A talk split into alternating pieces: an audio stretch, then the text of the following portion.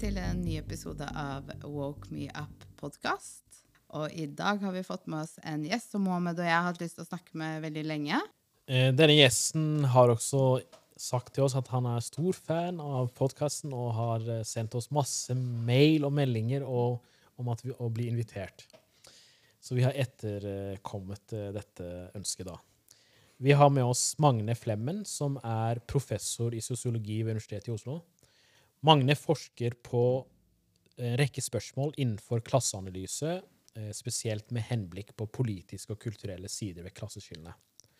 Han er også opptatt av å, dette med eh, kulturelle skillelinjer i smak og livsstil sammenfaller med klasseskillene. Så som du sikkert har skjønt allerede nå, lytter, så er det klasse som er eh, denne episodens tema. Så vi, jeg tenker vi setter i gang der, jeg. Og ønsker Magne velkommen til Walk Me Up. Tusen hjertelig takk. Kan, kan ikke jeg bare få si først at jeg, jeg, det jeg sendte, det var bare fanmail. Det var, var, det var ikke en sånn der Vær så snill å invitere meg. Selv om jeg selvfølgelig er veldig bæra over å bli invitert. Da. Jeg er blodfan. Den tittelen på den podkasten er så bra. Den er skikkelig bra. Det er det første jeg la merke til. Bare, åh, Ja, bra, bra tittel. eh, ta, takk. Jeg, jeg skal ta litt æren for den. Ja, gjør det. Og jinglen er også bra. Ja. Nei, men eh, veldig hyggelig å ha deg med i dag, og jeg, jeg kan også eh, signere på det. Du har jo sendt fanbrev, men du har ikke mast om å være gjest. Det er eh, tvert imot vi som ønska å ha deg med. Det var måte på frekkhet, Ja. liksom. Jeg, Fordi- jeg la på litt, da. Og det, det får være greit, Mohammed. eh, Ja, ja. Legge på litt. Eh, men, eh, men vi har jo hatt lyst til å ha deg med, fordi vi kan jo ikke ha en Woke Me Up-podkast uten å snakke om klasse. Jeg er enig. Selv om det liksom Vi prøver å ha det som en integrert del i flere av episodene. Men før vi starter med den dype samtalen om klasse, Mm. hvem er du, Magne? Nei, øh, jeg er altså da øh, professor i sosiologi ved Universitetet i Oslo. Øh, småbarnsfar og øh, ja. det, egentlig så er det Nå er livet mitt sånn at det er uttømt med de to tingene. Egentlig, for jeg rekker, rekker ikke så mye annet. Jeg har tre barn, og så er jeg professor i sosiologi. Det er liksom stort sett det jeg får til, egentlig. Det er jo det hører, begge, begge de rollene krever ganske mye tid og mental og fysisk kapasitet. Egentlig. Det gjør det, men det er gøy, da. Ja. Mm. ja. Skal vi bare digge inn in the klassetak? Vi får ta et tak. La oss begynne med det, det mest overordnede spørsmålet, da, Magne. Og det er fins det klasser i Norge? Og i så fall, hva slags klasser har vi i Norge? Veldig bra spørsmål, men eh, jeg må også være litt sånn vanskelig på det. da, er at eh, Det som gjør det litt sånn vanskelig, er at når du snakker om liksom klasser, så snakker du liksom om kategorier og nesten liksom om grupper. Men jeg tror at eh, kanskje vi skal ha et skille mellom eh, hvorvidt det fins det vi pleier å mene med klasseskiller og klasseforskjeller og klasseulikheter, for de uh, fins det masse av. Det som er litt eh, annet spørsmål, er fins liksom klassene som grupper som identifiserer seg med hverandre på bakgrunn av, av klasseposisjonen deres. Det gjør det mye mindre enn det gjorde før. Der tror jeg at det er blitt sånn at andre, former, andre kilder eller former for selvforståelse og identitet har begynt å spille en mye større rolle. Men det er, det er noen kollegaer, da, særlig i Frankrike, men, eh, som har understreket at eh, de rike fins fortsatt som klasse. For de identifiserer seg med hverandre. De er veldig politisk mobilisert og aktive eh, som gruppe. da. Men klasseskillene, de, måte, den, de, de liksom objektive ulikhetene, motsetningsforholdene, maktforholdene som vi pleier å tenke på når du, når du sier 'fins det klasser', de fins eh, i aller høyeste grad. Også i Norge. Så, altså, skal, hvis jeg skal kjøpe en flybillett, så kan jeg velge hvilken klasse jeg skal reise i. Og så Mm. er ofte, altså ikke ofte, men første klasse er jo det dyreste, og så er det økonomiklasse. Mm. Eh, er, det, er det litt sånn det funker i samfunnet òg? Det er ikke så lett å kjøpe seg inn i, i disse klassene alltid. Det spiller jo ganske stor rolle eh, det med, for klasseskillene hvor du starta hen, eh, og hvem foreldra dine var, har en god del å si for hvor du ender opp i det klassehierarkiet. Det er ikke noen jernlov. Det er ikke noen absolutt sammenheng med at alle blir det samme som foreldra sine. Men eh, en ting som da sosiologer jobber mye med å studere, det er å prøve å kartlegge den liksom betydningen som bakgrunnen din eh, får for muligheten din i livet. Så eh, basert på ganske omfattende studier så vet vi jo at det er klasseforskjeller. Altså Hvis du tar utgangspunkt i foreldrenes klasse, så er det masse systematiske forskjeller i hvordan det går med barn.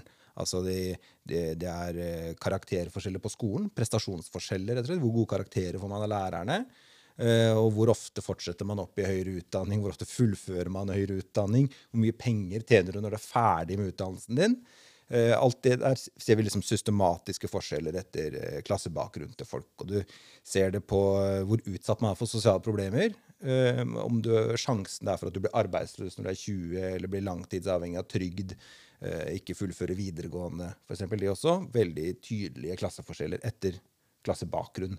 Så de som kommer fra liksom de mest privilegerte miljøene, sant? som har enten økonomisk velstående foreldre eller foreldre som er, har mye kulturell kapital eh, Nå begynner vi med sosiologisjargongen allerede. Er For, for alle de gruppene da, så ser vi at de har jo veldig, veldig lav sannsynlighet for å skulle bli arbeidsløse eller havne på trygd eller, få, eller bli foreldre når de er tenåringer, til og med. Så eh, på den måten kan man si at det er ikke så greit å, å kjøpe seg inn eh, i en høyere klasse. I tillegg så er det jo et, et gammelt tema for så vidt i sosiologi også at selv om du et stykke på vei kan liksom jobbe deg til topps For det er jo, det er jo en realitet. At det kan man jo selvfølgelig. fordi eh, i liksom de kapitalistiske landene så eksisterer det jo ikke sterke tradisjonelle føringer eller lover og regler som sier noe om hvem som kan bli hva. På en måte. Det er jo i prinsippet åpent. Men eh, vi ser jo fra flere studier i ulike land at de, altså de som er tradisjonelt privilegerte, de som har, på en måte har penger i flere generasjoner, og som har sin bakgrunn i eliten, de distanserer seg jo alltid fra nykommerne. For de som bare kommer inn og har bare penger, på en måte, de har ikke noe av smaken, tradisjon og kulturen som, som Altså par de nyrike? De nyrike, liksom. De har ikke den samme tradisjonen med seg som det tradisjonelle borgerskapet liksom mestrer. da. Så det er, og det er jo en grunn til at det finnes en stor sånn eh, sjanger i skjønnlitteratur om sånne klassereiser. Sant? Om folk som tar, eh, gjør store hopp i klassestrukturen og sliter med å finne ut av de kodene og greiene som gjelder i sitt nye miljø. da. Ja. Så det er ganske annerledes enn å kunne, kunne kjøpe seg kjøpe seg inn, nei. Men, Nei, men bare i, begrens, i begrensa grad. ja, det. Men, ja, fordi altså, jeg har flydd første klasse én gang. Eh, det det har ikke jeg. Aldri blitt behandla så godt eh, på et fly før. Eh, så jeg følte at jeg klarte å kjøpe meg rik i ti timer eh, på akkurat den turen. Men, men jeg tenker sånn Altså, du har vært inne på eh, Du har jo svart godt på spørsmålet, men vi har ikke snakka så mye om helse. Helsebiten, er det også noe som rammer de som ikke er født i, inn i eliten? Ja, altså det er, eh, det er jo en veldig slående ting eh, at eh, selv i de skandinaviske velferdsstatsregimene så er det veldig markante klasseforskjeller i helse. Praktisk talt alle helseplager og sykdommer er vanligere blant folk med, med, med mindre kapital, mindre ressurser, kan man si, eller, eller arbeiderklassejobber, kan man si. da. Og der er det en sånn, det er litt interessant Den nerdete sosiologivinkelen kommer fort inn, hva som er interessant, da, men er at det er veldig sånn gradvise forskjeller. Så det er ikke en sånn kategorisk forskjell at liksom de fattige er syke, f.eks., mens de rike er friske. Det er sånn, Hvis du tenker deg liksom en slags inntektspyramide, så er folk liksom friskere og lever lenger for hvert lille trinn opp. Som, og det eh, har jo mange tenkt, det forteller oss noe om at det er noe med liksom selve ulikheten som påvirker dette greiene her.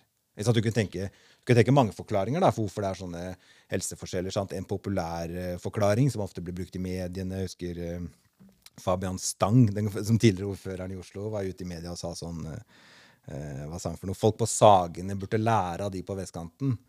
Sant? Fordi de er så friske og lever lenger, så de må flinkere gå i marka og ikke spise mye junkfood og de tinga der. da, sant? Uh, og det er jo en sånn potensiell forklaring. Helseatferd kaller forskerne dette. Sant? De delene av livsstilen din som er helserelevant. Men altså, forskningen viser jo at det, altså, det ville vært, det ville vært rart hvis ikke det hadde noe med det å gjøre. kan man si. Og det har det jo naturligvis. da. Men uh, en annen forklaring som masse forskere der er opptatt av, er at eh, de materielle livsbetingelsene dine har ganske mye å si. At jeg tror veldig mange folk som lever av å skrive og snakke og tenke om samfunnet, jeg tror mange har en slags implisitt forestilling om at alle har sånne jobber hvor du kan ta deg på beina og drikke kaffe foran PC-en. Mm. Men det er, en, eh, det er veldig mange jobber fortsatt hvor du løfter tungt, og du jobber vridd og i trekk og i ubehagelige temperaturer og med kjemikalier og i i høyt oppe eller langt under jorda. Masse sånne ting som selvfølgelig slår rett inn eh, på helsa. Og det ser, tror jeg man ser også i uførestatistikken. Sant? Hvem er det som ender på, sånne, på uføretrygd og sånt? Det er også veldig sosialt skeivt. Og hvem er det det koster mest for å få en uføreforsikring? Ikke sant? Så at her alt baller på seg med disse tingene. Det er liksom kumulativt, kunne man si. da. Det, hvis du er liksom så uheldig at du Så uheldig. Hvis du liksom eh, starter i en slags arbeiderklasseposisjon og forblir i den, sant, så fører det ene til det andre. Omtrent da med helseproblemer, og så er det vanskelig å betale for seg, og så får du betalingsproblemer på andre fronter, og så får du gjeld, og så Den typen sånne onde sirkler. Men når går du fra arbeiderklasse til middelklasse? Altså, Hva man skal kalle disse tingene her, det er jo kan man si, det er jo ikke noe vi egentlig bare kan sitte og bestemme. Så at, altså For forskningsformål så lager vi jo merkelapper og kategoriseringene våre, sant? men de er jo bare de er jo verktøy. Kunne vært annerledes, liksom. Sånn at uh, det, hele begrepet arbeiderklasse er jo uh, noe som arbeiderbevegelsen brukte som en måte å mobilisere et mobiliseringsgrunnlag, bygge et interessefellesskap rundt. Det er en, sånn, det er en fin passasje i LOs historie, faktisk, med sånne eh, fra det er på slutten av 1800-tallet, hvor det er noen sånne agitatorer som er på brygga i Bergen og liksom snakker til bryggesjauerne og håndverkerne om at hvis dere ser på, liksom på tvers av alle laugsforskjellene, yrkesforskjellene dere imellom, så har dere masse til felles. Det er mye som forener dere, og dere er arbeidere. Men dere har ingenting til felles med de oppe i Prøv å tenke hva, det heter der Åsen over, Bergen, over Bergen, her oppe, i Skansen, eller noe sånt noe, da. Sånn at Det er jo en identitet som de konstruerte for å betone det interessefellesskapet. da. Sånn at de tingene har liksom ikke tenker jeg, objektive betydninger. Men det, som sosiologer så tenker man jo at øh, den grad vi må lage sånne kategoriseringer, så tenker vi at arbeiderklassen er jo typisk folk som har uh, forholdsvis lite autonomi på jobben, uh, og som har lite innflytelse på hvordan uh, jobben deres skal gjøres. Og som, ja, som, stort sett liksom må gjøre som det blir fortalt, kan man si. Er, man kan si at ytringsrommet deres er kanskje mindre enn andre? Ja, de jo, sant, sitter jo mye mindre trygt. Ja. Og eh, både fordi de har liksom ofte, ja, i økende grad i Norge også, da, sånn ansettelsesforhold hvor du er lettere å, ja. å sparke, på en måte. Mm. I tillegg så er det jo også lettere å bytte ut, da. Mm. For ofte så kan man ikke sant, Jeg tenker jo på det økonomiske aspektet mm. ved det. Og ofte så jo mindre du har å si på arbeidsplassen, jo mindre tjener du. Mm. Eh, men er det Hvis man f.eks. får en godt betalt nederst i hierarkiet i kommunen, er man fortsatt da altså Tenker sosiologen i deg at det fortsatt er en arbeiderklasseperson? Eh, jeg føler når vi begynner å si en arbeiderklasseperson, da er det liksom som at Jeg identifiserer som eh, ja, Det som om folk har en slags essens.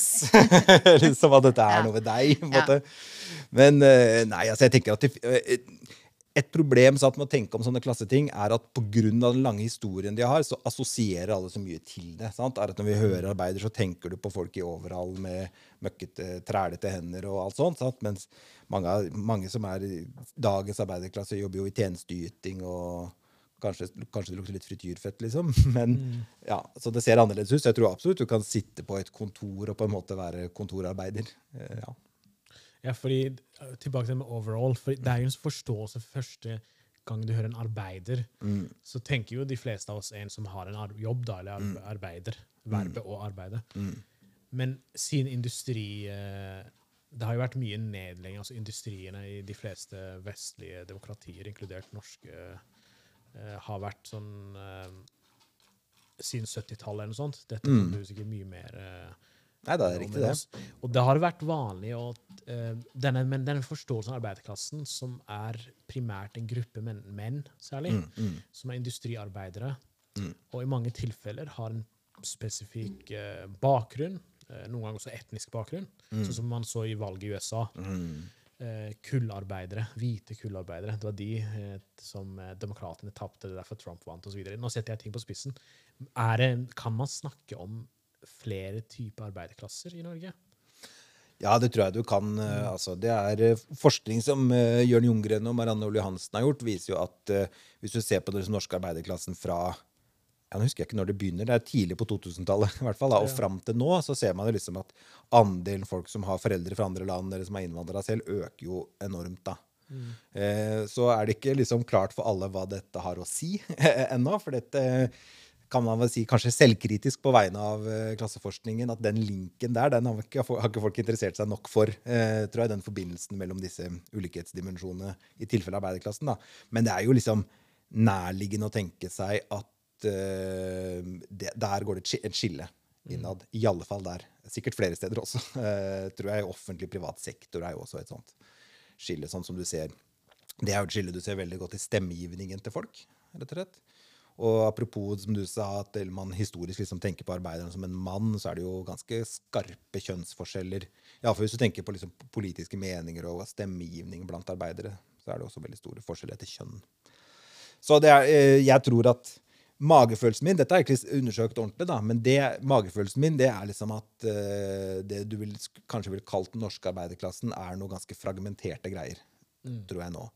Det tror jeg, da. at man kan forklare, Nå er jeg, sier jeg bare tro mange ganger for å understreke at jeg driver og spekulerer, liksom. Men jeg, jeg, jeg tror greia er at opp til et punkt etter andre verdenskrig, jeg tror det er en gang på 50-tallet, så var det jo sånn at den sosialdemokratiske bevegelsen var basert på å mobilisere på det grunnlaget. Så de lagde denne klassen for å være velgergrunnlaget sitt. Det, er, det mener jeg er årsakssammenhengen her. At de har samla disse folka og fått det til å være grunnfjellet sitt. Så på en eller annen gang, jeg mener det er på 50-tallet, så, så snur de jo og, finner ut at vi, Arbeiderpartiet, vi er liksom eh, nasjonens eller hele folkets parti. Og da forsvinner etter hvert de der eh, appellene til klassemedlemskap og, og solidariteten dem imellom. Sant? Og da, det jeg tror har skjedd da, er, at gradvis så mister den merkelappen det å være noe attraktivt. Det er ikke lenger fristende etter hvert. Fordi det som vi ser fra, eh, i studier fra andre land, da, hvor de har undersøkt disse tingene mer, er at veldig mange assosierer eh, jeg skal si, At veldig mange tenker på disse sosioøkonomiske hierarkiene litt som at det er moralske hierarkier. Sant? Er at, sånn at det å si at du er for eksempel overklasse, er det samme som å, litt, litt det samme som å si 'jeg er bedre enn andre'. Og så oppleves det som å si at jeg er arbeider, er litt som å si 'jeg er litt dårligere enn andre'. Sånn som jeg sa i stad. Ja, det gjorde du kanskje? Ja.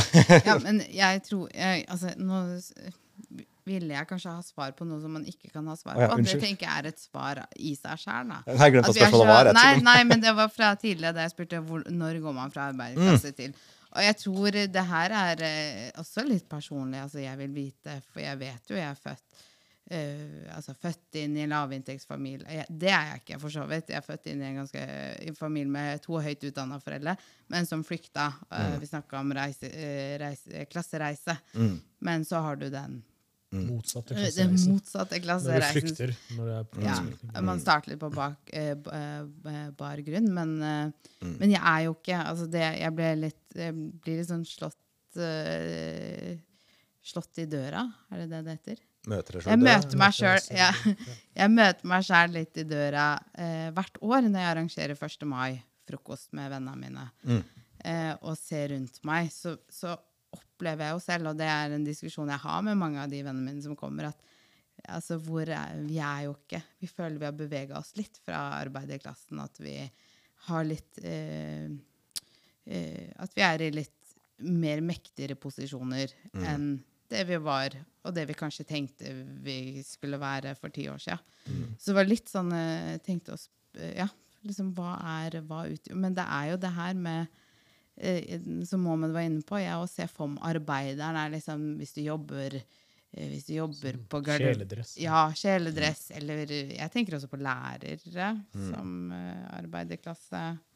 Det var jo sånn interessant greie om dette her. eh, eh, i, var det i Morgenbladet hvor Marianne Martinsen var ute og snakka om sangene og tradisjonene i Arbeiderpartiet, som er liksom forma i eh, deres velmaktsdager. Sant? At det er, eh, de synger omtrent om den industriarbeidermannen omtrent. da. Så det nå husker jeg ikke detaljene, men hun, eh, poenget hennes var vel et eller annet i retning av jeg er jo egentlig, kom fra veldig vanlige folk i Norge, vokste opp i et rekkehusfelt, eh, liksom hadde foreldre med helt ordinære jobber, og jeg kjente meg overhodet ikke igjen i alt dette snakket. liksom av de sangene og sånt.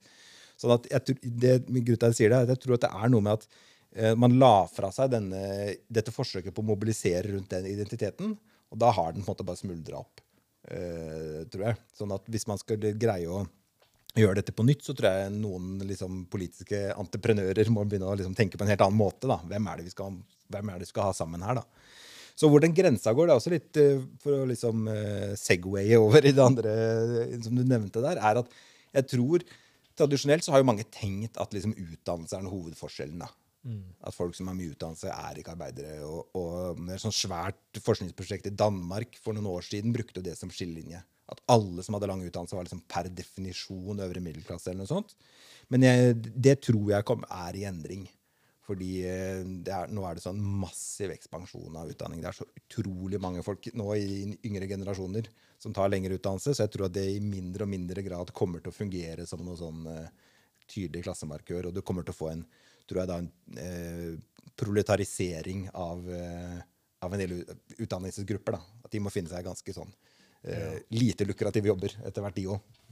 Ja, fordi akkurat det der er interessant du nevner. Det er egentlig det vi ville gå inn på med Er det mer bedre å bruke eh, klassemarkør som inntektsnivå enn utdanning. Fordi du kan jo ha en elektriker som eh, tjener mye mer, hvis det er en elektriker som har en bedrift, mm. enn en sosiolog eller filosof som har doktorgrad. Altså, for, for, å sette på spissen, det er, jo, mm. det er, jo, to grupper. altså Den ene har åtte års utdanning, mens den andre har fagbrev. Mm. Og det, så det, det, kan det være mer eh, Altså, eh, skal man si mer korrekt, ikke korrekt, da, men bedre å bruke inntektsnivå enn, som forklaring på klasse, eh, klassenivå enn eh, en utdanning? Altså det jeg tror generelt om det, er at du finner liksom ikke én perfekt indikator. Nei. Fordi liksom hierarkiet er ikke så veldig sånn enkelt og renskåret og lett, kan man si. Det er litt flerdimensjonalt. da. Eh, men jeg tror, skal du bruke én ting, så tror jeg fortsatt at det mest relevante er jobben til folk. Mm. Ja. Hvordan, de, hvordan, de, tjener til livets opphold, har mye å si for både typiske mulighetene dine og dag-til-dag-erfaringene dine og alt dette her. Altså. Men eh, og for Hvis du tar utgangspunkt i yrker, så er det, jo, uh, er det jo riktig at det finnes elektrikere som tjener veldig mye, men gjennomsnittselektrikeren gjør ikke det. Så, uh, så, det er de her spektakulære eksemplene da, som alle mm. vet om. Alle, alle, som kjenner noen fra skolen som ikke studerte og gikk Nei. rett ut i jobb, de veit om noen sånne sant, som har tjent masse penger og sånt, men det er jo ikke det typiske tror jeg, for sånne yrker. da. Nei. Men, men eh, forklaringen min handler jo mest også om mm. dette med at uh, man tenker utdanning gjør at du også får mye lønn. Mm. Men det er jo ikke sannsynligvis. Du kan kjenne fattige folk med doktorgrader. Ja, ja. Ikke sant? Satt på spissen. Men jeg tror også det er veldig interessant dette med arbeidermerkelappen. At til og med Arbeiderpartiet har jo gått vekk fra dette med Mm. bruke betegnelsen arbeider og bruke mer arbeidstaker. Mm, mm. Som er sånn, eh, ikke sånn bare språkhistoriske eh, årsaker, men det er jo eh, noe som har skjedd de siste ti årene, kan man si, hvor man gikk fra å snakke om arbeiderne trenger bedre lønn, de må arbeide med å få lov til å streike. Mm. Nå er det arbeidstaker. Mm. Kan, er det noe i det? Eller Med fokus på velferdsstaten. Ja. ja.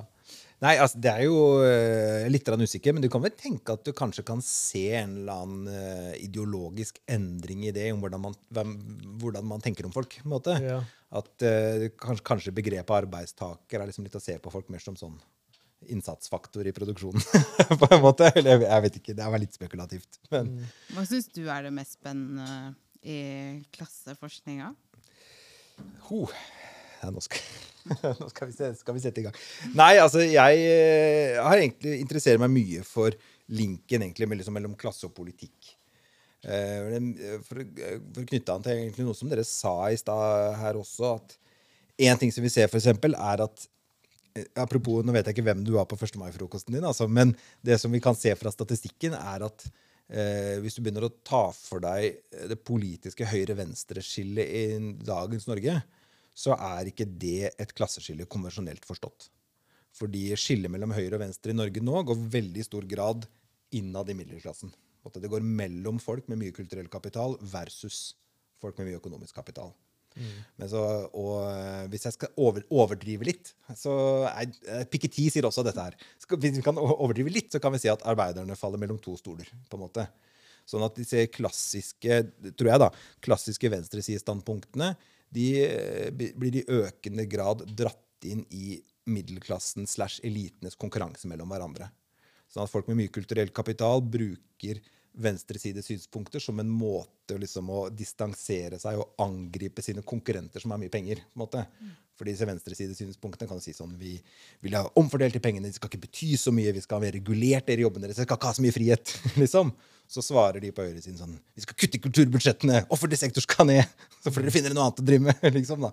Sånn at eh, det, eh, Hvordan dette spiller seg, driver jeg bare og spekulerer, men statistisk så ser vi at det er veldig sånn. At det er liksom kulturell kapital som på en måte har eh, venstresidesynspunktene i stor grad nå. da.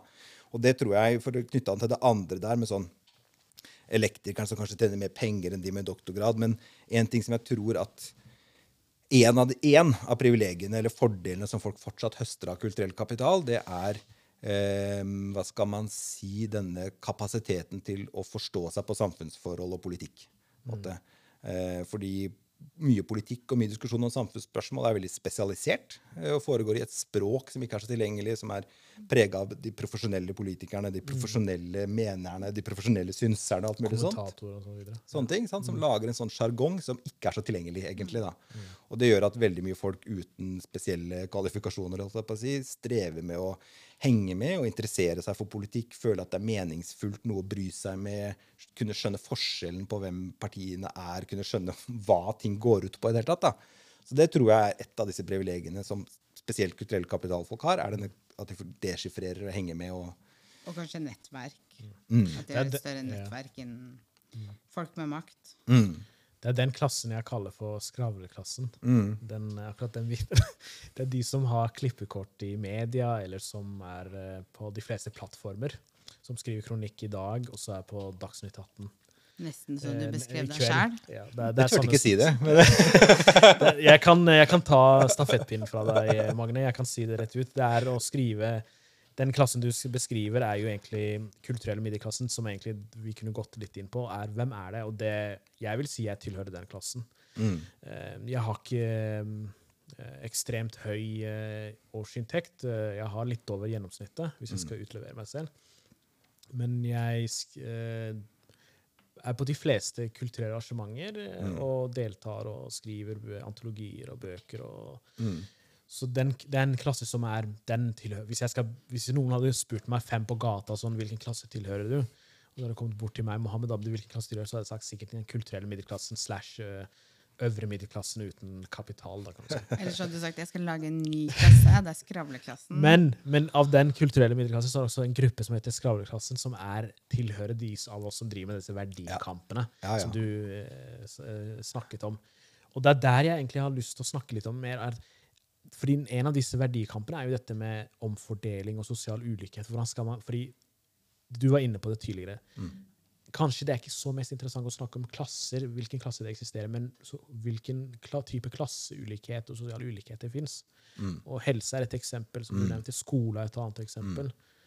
Um, og et eksempel man snakker veldig mye om dette, er med omfordeling. mm. Tror du altså, nå, og det er fritt fram å spekulere, spekulere her, men Norge har jo kommet veldig sånn Vi er et sosialdemokratisk land, vi liker å kalle oss velferdsland. Men tror, hvor mye kan omfordeling ha å si for å fjerne klasseskillene? egentlig? Hvis man begynner å omfordele ekstremt mye mer enn det vi gjør i Norge, er det som borgerlønn Nå kaster jeg bare masse sånn. ja, Kan man utrydde disse klasseskillene?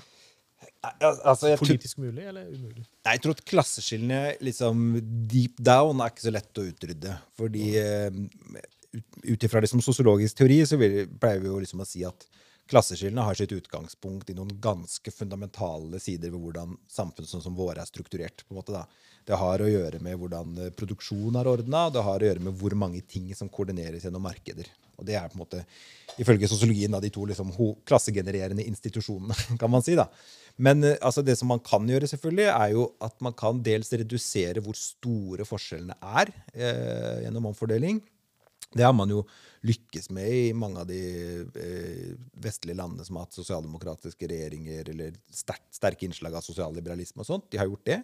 Så har de gjort noe annet som jeg tror er, eh, er vesentlig for dette her. er på den ene siden så kan du liksom gjøre noe med hvor store de økonomiske forskjellene er, og så går det an å gjøre noe med hvor mye de betyr, kan man si. Og Det tror jeg kanskje er eh, noe av liksom betydningen til de klassiske universalistiske velferdsstatene, er at de fjerner noe av rollen som penger spiller. Sant? Er at hvis når skole er gratis, og veiene er gratis, og helsevesenet er gratis, og alle har gratis tilgang på bøker, og en del sånne ting, så betyr penger litt mindre for folk. Da, da kan du si, da har du på en måte svekka klasseskillene, kunne man kanskje. Men en ting, men det var litt sånn bare spekulasjon, da. Men en ting som jeg tror også er viktig å ha med seg i liksom forståelsen av eh, sosialdemokratiet og hva det har gjort med klasseskillene, er at eh, Det er jo veldig vanlig å si dette at Norge sånt, er, og, og de andre skandinaviske landene er veldig sånne likhetsprega land. Og når man sier det, så peker man jo som regel på forskjellene i lønn. Sant? Lønnsforskjellene. Og sånn at Det betyr eksempel, at det er forholdsvis små forskjeller i lønn mellom sykepleiere og eh, helsefagarbeidere, eksempel. Men det som eh, er ganske stort i alle de skandinaviske landene, det er jo er ulikheter som har å gjøre med formue, for eksempel, og kapitalinntekter, altså penger som ikke kommer fra arbeid, kan man si, da, som kommer fra renter eller aksjer eller ting du eier. da. Når man, når man rangerer for eksempel formuesulikhet, så er Norge liksom eh, et, et veldig ulikt land. Der har vi en formuesulikhet på nivå med liksom eh, Frankrike og USA. og sånn. Oi. Det vet ikke folk. Men det, men det, det er veldig stor formuesulikhet i Norge. Ulikheten, den er veldig stor. Uh, og når vi ser på ting så altså Kollegaene mine uh, Patrick Lie Andersen og Jørn Ljunggren de studerte segregering i de store byene i Norge. Og når du ser liksom på den klassemessige segregeringen eller inntektssegregeringen i Norge, så er den liksom helt på høyde med og høy i europeisk sammenheng. Mm. Sånn at eh, eh, Det er riktig å si at eh, Norge i noen henseende er et veldig sånn likhetsprega land, men at man, jeg tror det er viktig at man får spesifisert litt på hvilken måte vi er det, og på hvilken måte vi ikke er det. Hva slags segregering, altså? Bos, folk- bostedssegregering. bostedssegregering, ja. Ja. Det er det, nå husker jeg ikke disse tallene i huet lenger, for det er litt sånn teknisk hvordan de måler dette. her da. Men de lager seg sånne indekser sånn hvor mange av de rikeste og folk midt på hierarkiet måtte bytte plass dersom det skulle bli jevnt. lager de sånne tall for da. Og med de indeksene så er liksom Oslo en veldig segregert by. da. Ja. For det har også vært en diskusjon før hvor noen øh, blant annet øh, ah, Hva heter han øh, Frp-eren øh, i Oslo? Ja, blant annet Tybring-Gjedde. Tybring-Gjedde. Ja. Eh, jeg bestilte noe forskning, og så eh, Han var ikke helt fornøyd med forskninga. Men han omtalte i hvert fall som white flight. Eh, hvordan noen bydeler i Oslo eh, se, altså ser at det er mye fraflytting av såkalte etnisk norske. Eh, og kalte det for white flight. Og så var det flere som argumenterte med at men det her er jo det her er en økonomisk flukt. ikke sant? Skolen er dårligere i de områdene. Eh, man flytter seg, mobiliteten har mer økonomiske hensikter enn etniske Det handla jo også om at eh, det var upresist å bruke white flight, fordi det gjaldt jo også folk som så ut som meg og Hasti, som hadde ressurser som også flytta ut. Så det var egentlig economic flight, hvis man skal bruke det, men white flight er jo adoptert, importert fra USA, mm. som har noen sammenheng. Noen ganger så har jo Vi skal komme tilbake til dette med eh, klasse og gener, hvis vi rekker det. Men det er jo noen sammenheng. Man snakker jo om etnisk underklasse osv. Ja. Men det var jo folk som var eh, hadde en eh, minoritetsbakgrunn, som også var eh, Ja noen av de som flytta ut. Så det var ikke bare etnisk norske. Så Det var derfor det var upresis med det han kom med, han politikeren eh, den gangen. Men dette er, hvis jeg kan skyte inn, Ja. så tenker jeg en veldig interessant ting med akkurat det eksempelet der, da, er at det illustrerer et poeng som da, altså den, eh, den franske sosiologen Pierre Bourdieu er veldig kjent for, hvor han sier at de objektive eller gitte ulikhetene eller forskjellene vi har, de kan vi representere eller konstruere på forskjellige måter. måte. Det er mulig å klassifisere de og kategorisere de og omtale de på ulikt sett. Sånn at det for eksempel å tenke om flyttestrømmer eller segregering i etnisitetstermer er liksom én måte å vinkle det på. Og da er det noen ting som faller ut, da, som er spesielt hvor, hvor so- sosiomaterielt og økonomisk sånne ting er, da, som du akkurat nå understrekte. Så, og et av poengene hans er liksom at til Bourdieu altså, at eh, det at virkeligheten kan liksom deles opp, konstrueres og fremstilles på forskjellige måter, det speiler egentlig noe av det som er kanskje det fundamentale politiske spørsmålet. Som ikke er direkte hva du skal gjøre, men hvordan er det, liksom, Ja. egentlig. Og nå er jo ikke Tybring det her for å forsvare seg, det, det lever jeg godt med, men for da presenterer han det inn i den politiske eh, forståelsen han har og ønsker å Ikke sant? Og det har noen betydning. Sant? Hva skal vi gjøre hvis det, liksom er, hvis det er et etnisitetsproblem? Så impliserer det noe annen politikk enn En hva klasseproblem, Ja. ikke sant?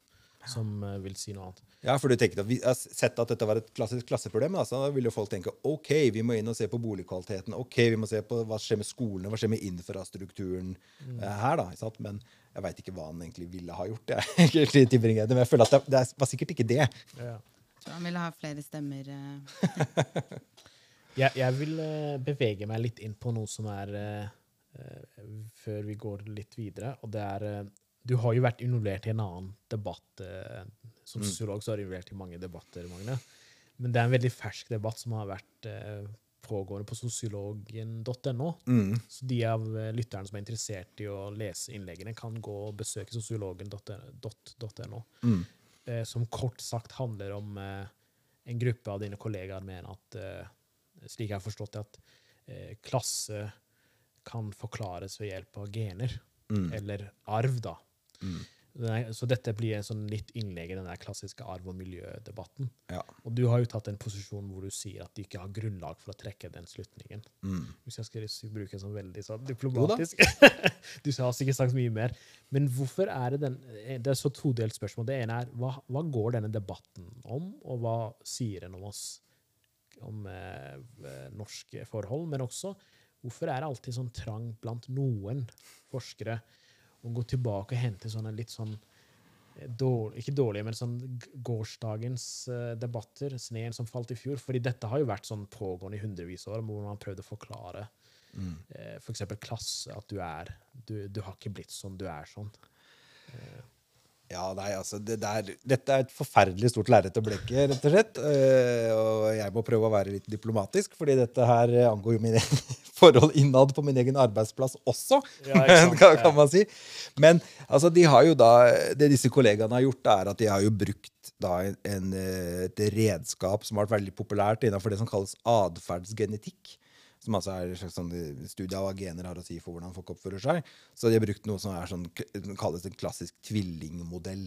Som er sånn stat statistisk fremgangsmåte blitt av utgangspunkt i enegga og toegga tvillinger.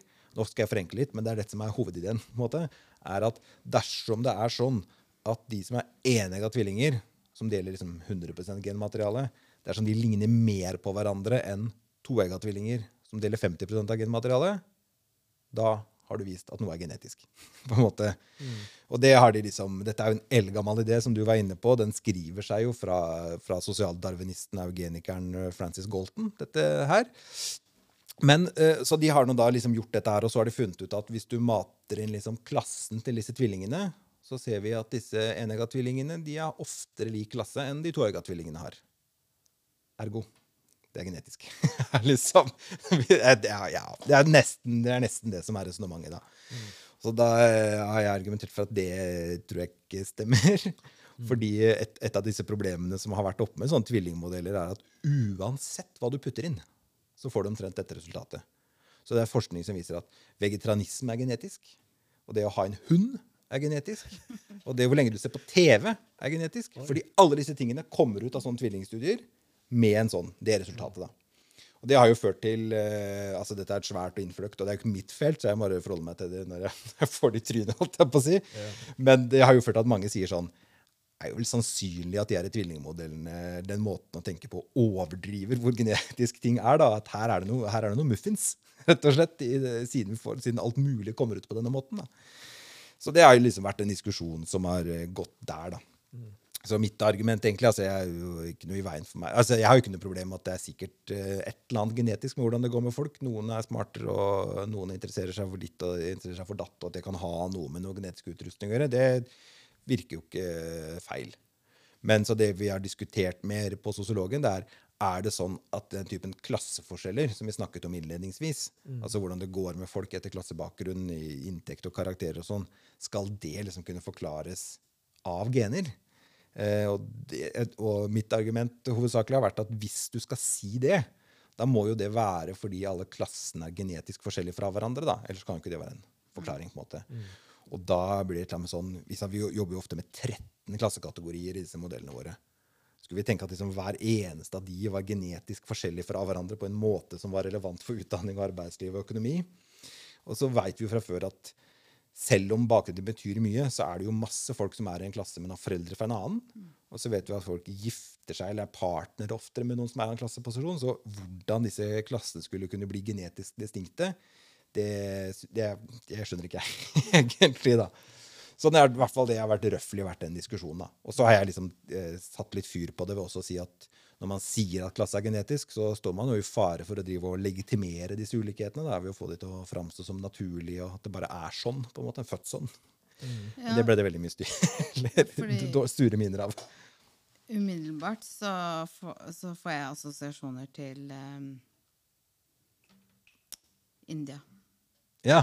Eh, Sånn kastesystem. ja, umiddelbart får jeg assosiasjoner til kastesystemet, og hvordan eh, det brukes for å rettferdiggjøre at noen har det bedre eller dårligere enn andre. Men jeg, har jo, jeg er jo over gjennomsnittlig opptatt av tvillinger, og da særlig eneggede tvillinger. For jeg, Ja, stemmer. jeg har en enegga tvilling. Eh, og jeg skal, ikke, jeg skal ikke snakke om likhetene mellom Nina og meg, for da det, det er til fordel for dine kollegaer, for å si det sånn. Ja, Er det det, ja? så dere- de er samme klasse. Vi er samme klasse. Men Nei, det burde Samme være åpne 1. mai-frokost. Nei. ikke sant? Vi er samme første mai. Men jeg har også fettere som er enøyde tvillinger, og de er ikke samme klasse. Så det er eh, i, samme, i samme slekt. Ja. Så det blir litt sånn svogerforskning? Er hva hva kalles det? der Jo da, er det ikke det man kaller det? da, svogerforskning? Jeg blir veldig ofte invitert til å delta på tvillingstudier. Gjør du det? Deltar du? Nei. Eh, sist forrige uke ble jeg spurt om å delta på en, men da skulle de MR-skanne hodet mitt. Og det, det sa en eh, legevenninne av meg, som er nevrolog, at det må du ikke finne på å gjøre. Hvis de finner noe gærent, så får du ikke fiksa det uansett. Så da Ja, sånn, ja, ja, ja. ja, ja. takka jeg pent nei. Du burde spurt om mer større honorar, da. Ja, men, det er- men, ja. Mm. men dette her med Uten å så bruke så mye av tida på det, fordi de er jo ikke her, de kollegaene dine, til å forsvare seg selv. Men uh, når jeg leser den debatten som utenforstående, Mm. som, som ikke-sosiolog, så tenker jeg også at dette, så litt som du, det du sier Og det er ikke fordi jeg er enig med deg og heier på deg, eller sånn, men det er fordi jeg tenker Hva blir implikasjonene av sånne funn? Mm. Jeg mener ikke at man skal holde tilbake forskning. Man skal få lov til å forske på det man ønsker. Mm. Absolutt. Mm. Som det er mulig, selvfølgelig, så lenge det ikke er uetisk. Så forskningsetisk. Men, eh, men hva er det det sier? Jo, det, det sier egentlig rett og slett at sånn er det. Det blir litt deterministisk. Og så tenkte jeg også Men det forklarer jo ikke klassereisebiten. Mm. Tenk hvis du er foreldrene dine genetisk er født i en underklasse eller prekreat kreat, eller, eller noe sånt. Mm. En av de 13 kategoriene. Og du bare tar skikkelig sånn, sånn tre-fire eh, trinn opp. Eh, Hva er det som forklarer det? Er ikke det miljøet som forklarer mer, da? Ja, det, kan, det kan hende at jeg har en eller annen forklaring på. Altså, som er, sant? vil være Ja. genetisk. Jeg vet ikke. Ja. Jeg tror det er riktig å si, da, og som jeg, som jeg syns er interessant og vanskelig dimensjon med dette, her, er at de kollegaene selv de syns jo ikke at dette her legitimerer ulikheter. De tenker sånn Vi kan jo ha en sosialpolitikk som skal uh, hjelpe de genetisk uheldige, eller noe sånt også, tenker jeg. Eh, de mener jo det. Men jeg tror, som du er inne på nå, så er det jo et eller annet med at når du sier disse tingene her, så hører alle dette andre budskapet likevel, da. Og det tenker jeg er liksom Det er jo kobla til eh, litt av utfordringen det er å drive med sosiologi, eller alt som er om samfunn og kulturen i det hele tatt, er at du kan ha dine meninger om hva dette betyr. Men dette er jo ofte ting som angår folk, og som folk bryr seg om, og som vekker assosiasjoner fordi du er ikke den første som snakker om disse tingene, for dette har vi hørt om før. måte, Og vi har kulturelle assosiasjoner til det som blir sagt. sant? Altså, I vår kultur så er det veldig vanlig å tenke at noe som er naturlig, er jo bra. På en måte. Som hvis klasseskillene er naturlige. Så liksom, den typen assosiasjoner er ute der og flyr. da. Og det har vært noe av det som jeg har liksom, eh, trukket fram i denne diskusjonen her, er at du står jo fritt til å mene selv hva denne forskningen betyr, men du, du får ikke styrt det. På en måte, Du kan ikke kontrollere meningen av det. Nei. Og så er det jo noe med arva, da. Altså som Det er vel ikke genetisk eh, eh, Ja, man kan ikke man kan, Hvis du arver en stor sum penger, sånn som for f.eks. Donald Trump gjorde, så er det irrelevant hva slags genetikk han har. Han har jo arva disse pengene og kan generere det og ø, tjene enda mer penger på det. Det var noen som trakk fram en finsk studie av tvillinger som kunne si at formue også ser ut til å være genetisk. og så er det en norsk studie som tyder på det motsatte. Så, ja. Ja. Eh, ok, Magne, før vi avslutter, så har jeg lyst til å spørre deg, er det noe i klasseforskninga som gjør deg positiv til fremtida? Eh, Nja. Altså, jeg tenker at det er eh, Det er, er jo eh, litt løfterikt at vi har hatt perioder i hvert fall alle de, liksom, de vestlige samfunnet hvor ulikhetene har vært mindre. Så vi vet på en måte at det nivået av ulikhet og forskjell i klasser som vi har nå, er på en måte ikke naturgitt. eller noe sånt, og Det kan jo forandre seg. Men Eh, Jeg på, eh, underviser jo et sånt emne om dette greiene her på, bachelor, bachelorprogrammet i sosiologi. Ja. Da var det en av studentene som kom opp i pausen og sa sånn herre Hvordan driver man med sosiologi uten å bli deprimert? Fordi eh, føles som at alt er sånn der Ja, dere trodde klasseskillene forsvant? Mm -mm. Du trodde alle hadde like muligheter? No, sir. liksom. Og det er alltid der, da. Eh, og så mitt lille sånn eh, som jeg må klamre meg til, da, er liksom en, en liten idé om at hvis vi forstår hvordan disse tingene virker, hvis vi vi ser liksom klasseskillene, hvordan de sniker seg inn i livene våre på forskjellige områder, og blir mer obs på det, så tenker jeg at vi er litt friere. Har vi litt mer mulighet til å styre ting, litt mer mulighet til å gripe inn. Kanskje vi også altså på, som på kollektivt samfunnsmessig nivå, liksom.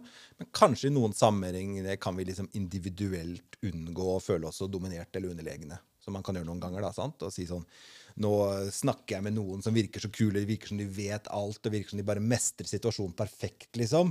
Men eh, du har jo vokst opp i villa på Ullevål Hageby med disse professorforeldrene dine, liksom. Så det, den selvtilliten og den selvfølgeligheten, den kommer fra et sted, da. Kanskje det kan liksom Kanskje det kan være noe håp at, vi kan, at, at det kan være litt sånn at det kan være som, Er det Johannes døperen som sier at sannheten skal gjøre deg fri? Kanskje. Vi tar med oss, eh, vi tar med oss det fremover. Nei, jeg tenker vi tar og avslutter der. ehm, og så var det veldig hyggelig å ha deg her med, Magne. Og så håper jeg Like flere uh, av våre lyttere tar og uh, følger med på forskningen til Magne, som er veldig spennende. Fordi det handler jo om klasse, som angår oss alle, på godt og vondt. Tusen takk. Og uh, sist, men ikke minst, stay walk.